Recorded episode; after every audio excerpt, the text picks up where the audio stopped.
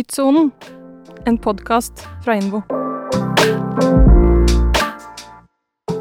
Når fokuset er skjerpet og alt ligger til rette for å jobbe godt og effektivt, da er du endelig i flytsonen. Stedet vi alle vil være, men som så enkelt rives vekk av distraksjoner og tidstyver. Enten det er en masete kollega, notifikasjoner på telefonen eller frustrasjonen over å ikke finne frem til de riktige dokumentene. I denne podkasten ser vi nærmere på hvordan vi, sammen med teknologi, kan si farvel til tidstyvene og aktivere flytsonen i en hektisk arbeidshverdag. Velkommen til Flytsonen, en podkast fra Invo. Jeg heter May-Linn Kristiansen, og i denne episoden så skal vi dykke ned i den teknologiske flytsonen. I en tid hvor teknologien utvikler seg så raskt som den har gjort de siste årene, og hvor også arbeidslivet er i stor endring, så har det kanskje aldri vært mer krevende å være teknologileder eller IT-sjef. Så hvordan holder man seg egentlig oppdatert eller ledende i disrupsjonens tidsalder? For å svare på dette spørsmålet, så har vi med oss eh, Tuan Williams. Velkommen til oss. Takk for det. Takk for at jeg fikk lov til å komme. Du jobber jo i arbeidstakerorganisasjonen eh, Delta. Så til å begynne med, kan du fortelle litt om Delta og din eh, rolle der? Delta er en stor arbeidstakerorganisasjon. Uh, vi har 96 000 medlemmer. 3000 tillitsvalgte og røftlig 145 IT-brukere i virksomheten. Um, så det vi jobber for, da, det er jo å skape balanse i arbeidslivet. Mm, mm. Spennende. Um, og hva er det du uh, har hovedansvar hos Delta? Uh, mitt hovedansvar er jo å lede IT-området uh, i, i, Delta. du kan se for deg at det er fryktelig mange interessenter, både fra innsiden og eksternt, med 96 000 medlemmer. Så, så det jobber iherdig mot, er å, å sørge for at vi har eksepsjonelle eh, verktøy, digitale løsninger, som både effektiviserer og skaper produktivitet i, i virksomhetene. Mm. Spennende. Eh, vi skal komme litt tilbake igjen til Delta etterpå, og hvordan dere jobber. Men først skal vi dykke ned i det som er eh, essensen i denne episoden, som mm. er flytsonen. Så når er du egentlig i flytsonen? Uh, jeg er veldig i flytsonen uh, når jeg ser at det virker uh, effektivt for min egen del, for en gruppe, for en avdeling, og deretter for hele virksomheten. Så du vil jo kanskje da ha ansvaret for andres flytsone også, ikke bare din egen. Du jobber like mye med, med å skape flytsone for alle.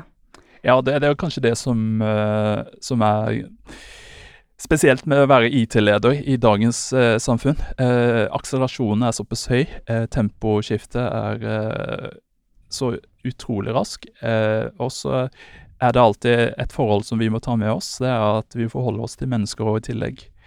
Eh, så det er på en måte binde det hele sammen. Teknologi opp til mennesket og opp til organisasjon. det er egentlig ikke så entydig lett som man, man, skulle ønske seg. Men da er det jo sånn at man kan jobbe metodisk.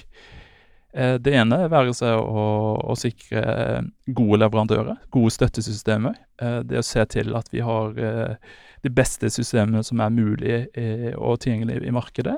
Og sørge for at våre ansatte som kommer på jobb, si tidlig morgen får en god opplevelse idet de kommer til kontorplassen sin og vet at det, nå starter arbeidsdagen, og jeg har de verktøyene som, som skal til for å på en måte sikre at uh, arbeidsoppgavene blir fullført, og at vi uh, ja, leverer på det vi skal.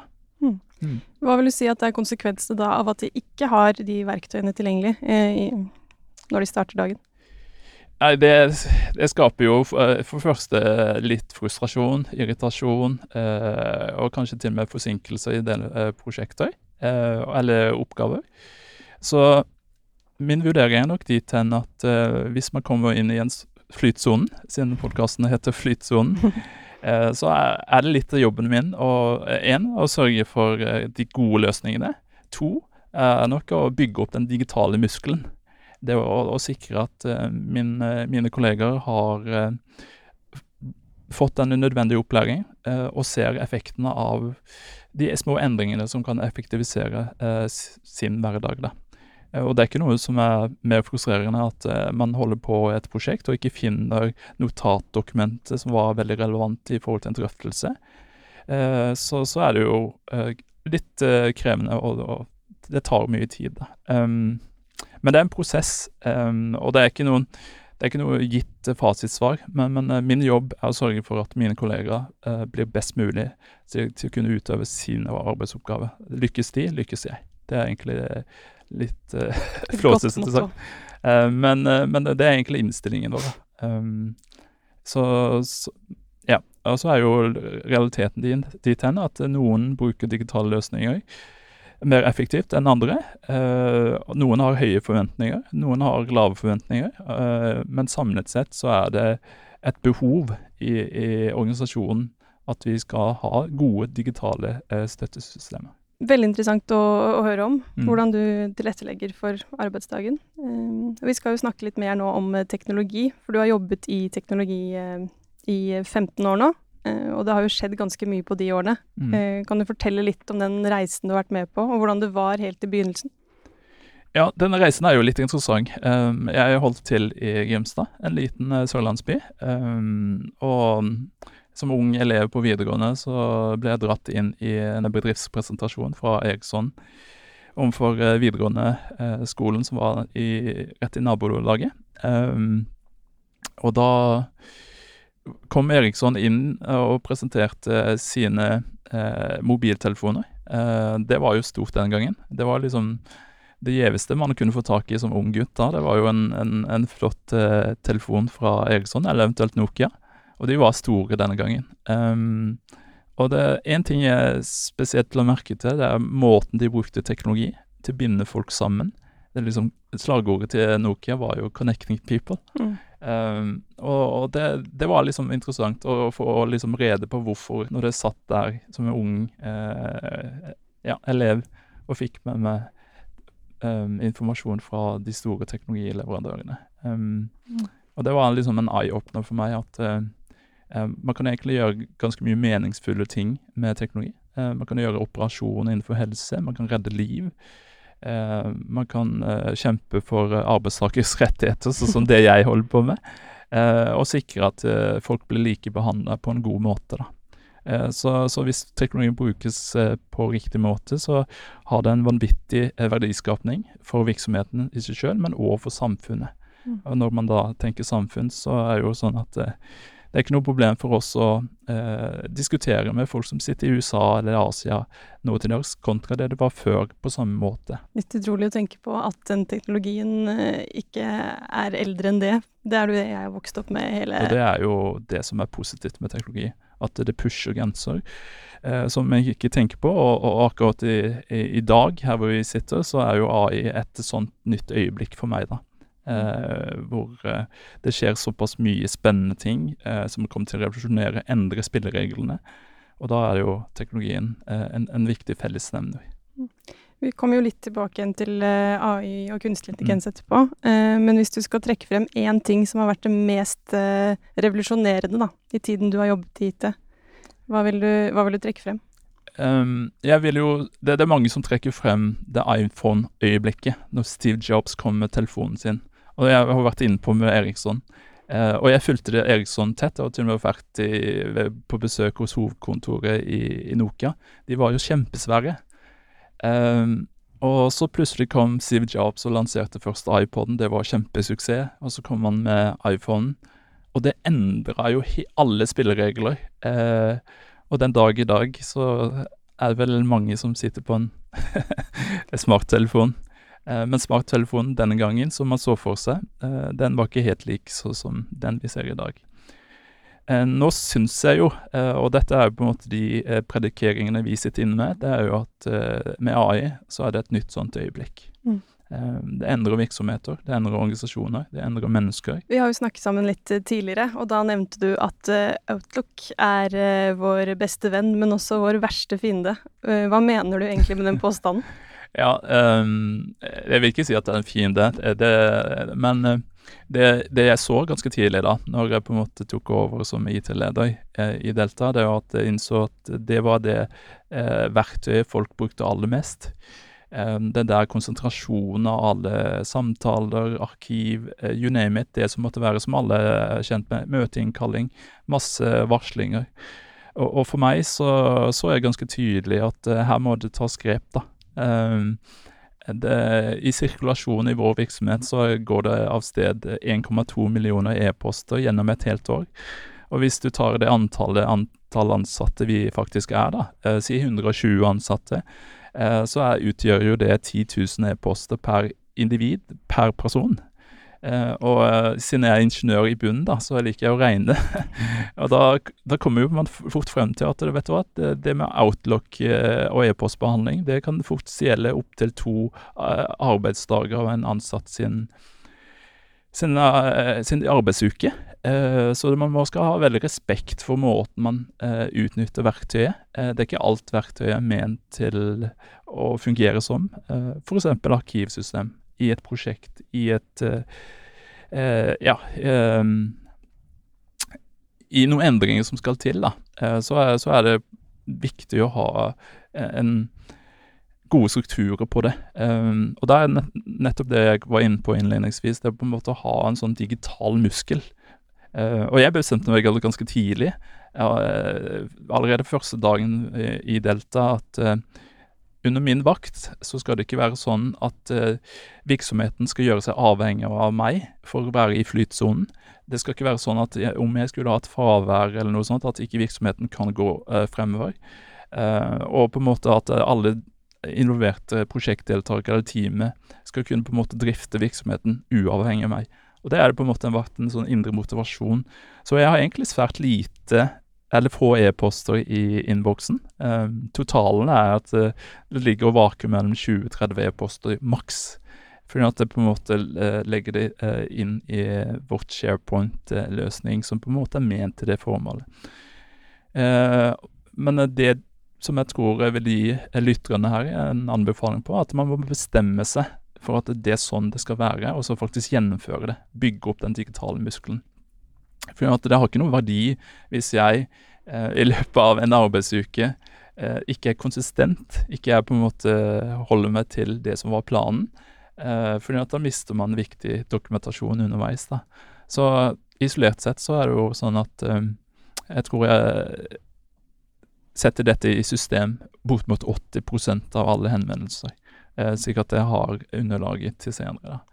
Og da er jeg veldig streng med meg sjøl. Mm. Men det er òg veldig befriende når man kommer i den flytsonen, at uh, da går det sparer mye tid til å kunne uh, jobbe mer effektivt og kanskje mer faglig retta enn å på en måte transportere uh, beskjeder, som vi ofte gjør. så man skal ha egentlig veldig bevissthet for alle Outlook-brukere. At man setter folk på kopi når det er nødvendig.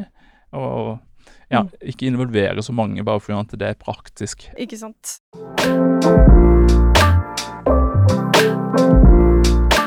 Du snakket jo litt om, eh, om e-postlagring her nå, med Outlook. Eh, hvor mye koster de 1,2 eh, millioner e-postene dere årlig?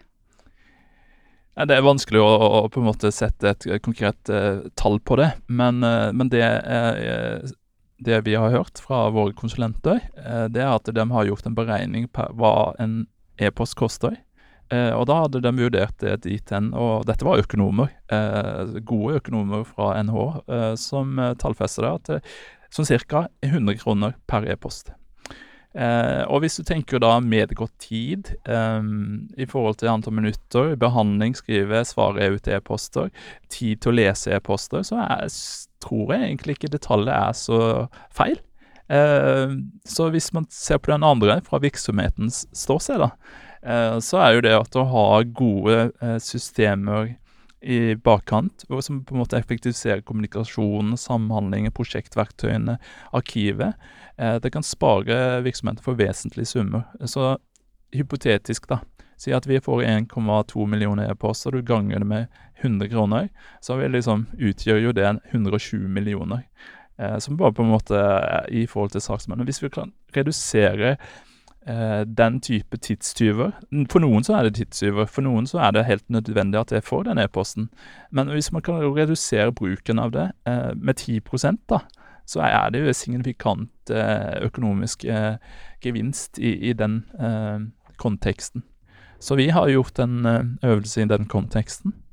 jeg sa dette til ledergruppen, at vi er klar over at vi har 1,2. Det er vanvittig høyt tall i forhold til 120 ansatte, uh, røftlig. Uh, og fra det tidspunktet jeg sa dette, um, til det fikk lov til å virke i organisasjonen, uh, så har jeg sett i løpet av to måneders periode, dette var i fjor sommer, redusert e-posttrafikken, bevegelsene, med, med 7 da.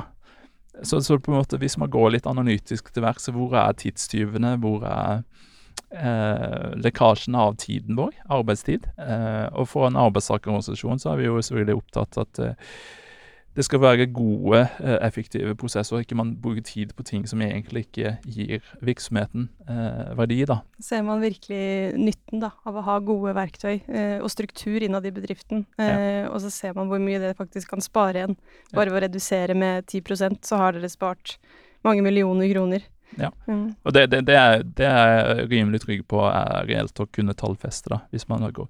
Men det, det, vesentlige for oss er jo ikke nødvendigvis at vi skal spare inn på eh, en økonomisk side, men det er òg for å på en måte ha en eh, god hverdag for våre ansatte. At ikke på en måte man trenger å bruke masse tid på ting som man fint finner i eh, saksbehandlingssystemet, eh, ulike systemer. da. Eh, og det er jo noe som jeg er veldig opptatt av at det er ting som kan reduseres for å på en måte bygge opp den gode digitale muskelen. Eh, ja, eh, skape merverdi, frigjøre tid til å jobbe mer med sitt faglige område. Det er jo det som er kjekt. da. Eh, læring handler jo om å endre atferd. Eh, det å snu på noe i forhold til måten man bruker mapper istedenfor uh, søkemapper osv., eh, kan være litt krevende. Det har jeg veldig respekt for. Gode verktøy, opplæring, gode systemer, og, og ikke minst eh, eh, så må man ha riktig innstilling. Skal man få med seg alle i en digital hverdag, så er det viktig at én ikke henger igjen også. Man er avhengig av å ha med 100% Hvis én sluntrer unna den opplæringen og den, mm. den biten der, så kan det fort være noe viktig som går tapt. Så man er veldig avhengig av å ha med alle. Så det er ja, bra. Det, og det er lettere sagt enn gjort. Det er kanskje den største utfordringen. Å på en måte få synliggjort verdiene for hele virksomheten, for alle. Og ha litt sånn én-til-én-kommunikasjon. Eh, men det kan man løse ved å ha litt eh, Bruke riktige verktøy, f.eks. mer videoopplæring, sånn som vi understøtter virksomheten med. Eh, så at ikke man trenger å repetere. Man har en katalog hvor det står og så må man på en måte være villig til å, å, å faktisk uh, teste det. Det virker som om dere i Delta har en ganske god work-life balance sånn sett, så har gode verktøy. Uh, men dere jobber jo også med, med veldig mange medlemmer. Mm. Og dere har jo et mål om å gjøre Norge bedre, som jo ikke er et veldig lite mål. Uh, hvordan jobber dere også utad mot Nei. medlemmene deres? Eh, vår visjon er jo først og fremst å skape balanse i arbeidslivet.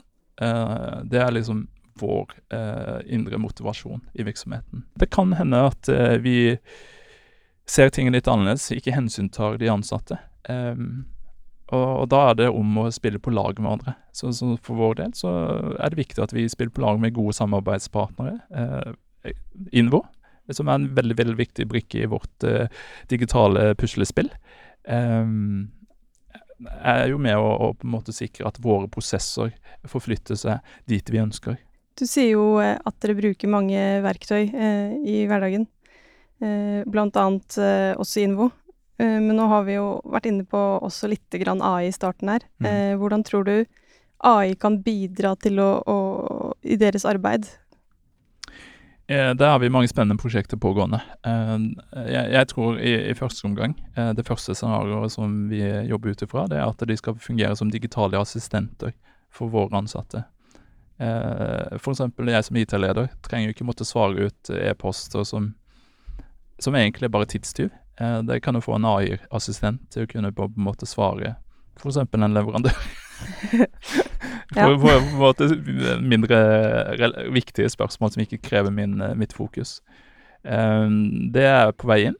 Det er den ene siden. Måten vi jobber med lyd, bilde, video, ikke minst stemme, prof det, det, er så mange muligheter nå at uh, det, det er bare fantasien som begrenser oss. Det er den ene siden av det. Den andre siden av det, det er på en måte for AI-verktøyene uh, til å kunne jobbe sammen. Uh, det, er liksom eh, at Invo, eh, Delta, har sin egen AI som på en måte skal utveksle informasjon og sikre at både sikkerhet, eh, produksjon, statistikk. Eh, masse sånne gode analyseverktøy som på en måte kan utsettes da, eh, til roboter. Um, når, når, vi bruker AI-begrepet, så, så, tenker jeg at det er viktig å, å, ha med seg den dimensjonen at det handler om maskinlæring. Hvis du ønsker å på en måte lære din eh, assistent til å gjøre eh, jeg håper å si, Du skriver den teksten, du legger til den beskjeden, så fort du får en e-post fra Mailin, eksempelvis. da. Ja. Um, det er fullt mulig. Uh, så, så det, det, er liksom Hvis man investerer litt tid, så får man nå mye igjen. Uh, og det er jo nå uh, veldig, veldig sterk nasjonal og global oppmerksomhet rundt AI. Men når det gjelder AI, så, så skal det jo selvfølgelig man, man, skal òg ha respekt for at uh, bruke det til velmenende formål. Um, og det er jeg litt opptatt av, at teknologi må brukes med måte. Vi har i vårt oppdrag, samfunnsoppdrag en positive intensjoner, og dermed kan vi på en måte bruke AI til noe som er verdiskapende for samfunnet og virksomheten ellers. Så, så det må være liksom eh, balansert. Eh, så, og det er kanskje den skaper balanse i arbeidslivet. Og det kan òg eh, være med å skape balanse i samfunnet og teknologi. Da. Men hvis vi ser litt på det med kunstig intelligens, da. Mm. Du sier jo at alt er nesten mulig nå, og det tar over ganske mange prosesser. Det vil jo mm. skremme ganske mange også. Eh, hvordan tenker du det vil påvirke arbeidsplassene fremover? Er det noe man bør være litt bekymret for? Eh, man skal alltid være, ha et øye åpent for alt eh, av endringer i dagens samfunn. Eh, og det, det, jeg har lest og, og sjekka, det er jo at eh, de som kan håndtere AI, de har ikke den frykten. Eh, men de som ikke eh, har vært borti det før, de har en frykt. Helt naturlig. Men hvis det brukes med de rette intensjonene, så tror jeg egentlig det blir noen positive aha-opplevelser. Og de største virksomhetene jobber jo knallhardt med AI. Så det vil være fryktelig naivt av oss å ikke tro at det vil gripe inn i vår hverdag og våre liv, og ikke minst uh, arbeidstakersettingen. Uh, um, jeg er jo veldig opptatt av å finne frem til løsninger som skaper verdi for virksomheten. Um, og det er ikke noe tvil om at, eh, at det er mange muligheter der som vil nettopp gjøre det.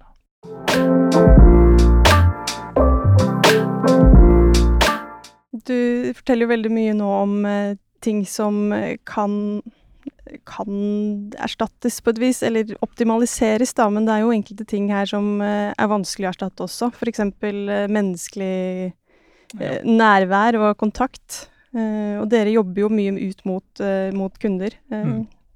Hvordan stiller dere dere til det? Nei, vi, vi, har jo egentlig et fantastisk kundesenter som vi har kaller Delta Direkte.